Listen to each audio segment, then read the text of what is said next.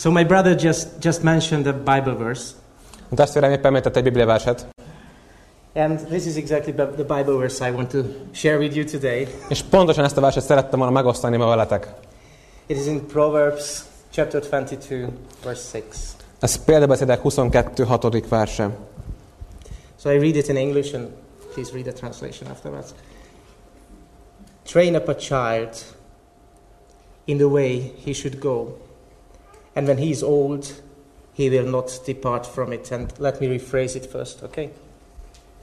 Train up your daughter, and when she will grow up, she will never depart from your teachings.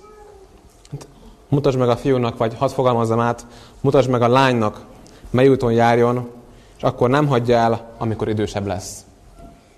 And you know the word train up in I, I don't know what's in your mind, but training up what what would training up mean? És mit jelent az, ami, hogy, hogy felnevelni? So I, I would say to educate, to discipline, you know. Azt mondom, hogy tanítani, fegyelmezni, But uh, the curious thing is that the original text here says something entirely different. And I, I- I love this guy. If I say the entire, uh, the, the, the original text something, says something different, he would always take his phone, check the original. but he will not do it right now, anyway. I'll do it later. okay. He will do it. Az érdekes dolog, hogy a, az eredeti szövegben az eredeti szöveg teljesen másról beszél, nem erről. És hogyha ennek a fiúnak egy eset mondok, hogy az eredeti szöveg valami más mond, akkor elősz, mindig előveszi a telefonját és megnézi, most nem fogja megtenni, csak később. But I have the quote from the, from, from the dictionary for you.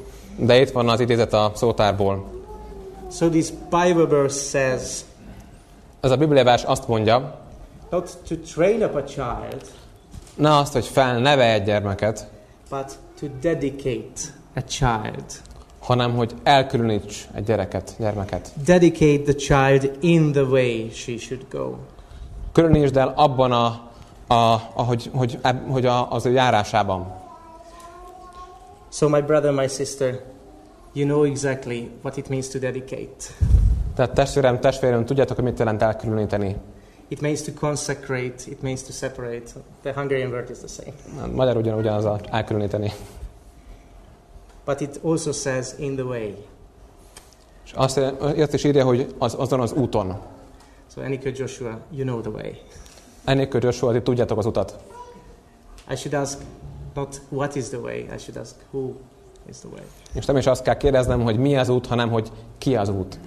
Christ is the way, and this Bible verse tells you Krisztus az út, és ez a Bibliávás elmondja, that you are called to represent Christ in your family. hogy arra hivattatok el, hogy Krisztust képviseljétek az életetek, életetekben.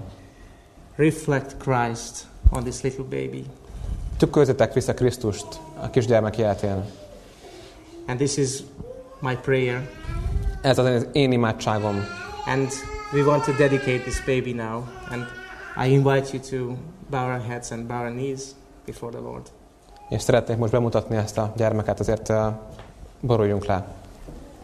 Our gracious Heavenly Father, Kegyelmes mennyei atyánk, we bow down before your throne of grace. a kegyelem trónja előtt borultunk most le. And we want to dedicate this little child, their Isabella, to you. És szeretnénk ezt a gyermeket most uh, neked bemutatni és elkülöníteni. Please fill her with your Holy Spirit. Kérlek, töltsd meg a te szent lelkeddel. Lead her on the way. Vezet az úton. Show to her Christ, the beauty of Jesus Christ. Mutasd meg neki a Krisztus útjának a szépségét. Help her to be your daughter. Segíts, hogy a te lányod lehessen. And help their earthly, earthly parents És kérlek, segítsd a földi szüleit is, to be your representatives in her life. hogy a te képviselőid lehessenek az ő életében. Please bless this family. Áld meg ezt a családot. Bless the father, bless the mother, Áld meg az apát, áld meg az anyát. bless the grandparents, Áld meg a nagyszülőket. all the relatives, Minden rokont. and each and every one of us that has have any influence on her. És mindannyiunkat, akik befolyással vagyunk rá. That we may represent you and only you. hogy téged és csak is téged képviseljünk. Please bless this congregation and abide with us. Áld meg ezt a gyülekezetet, és maradj velünk. In Jesus' name we prayed. Amen. Jézus nevében kértük. Amen.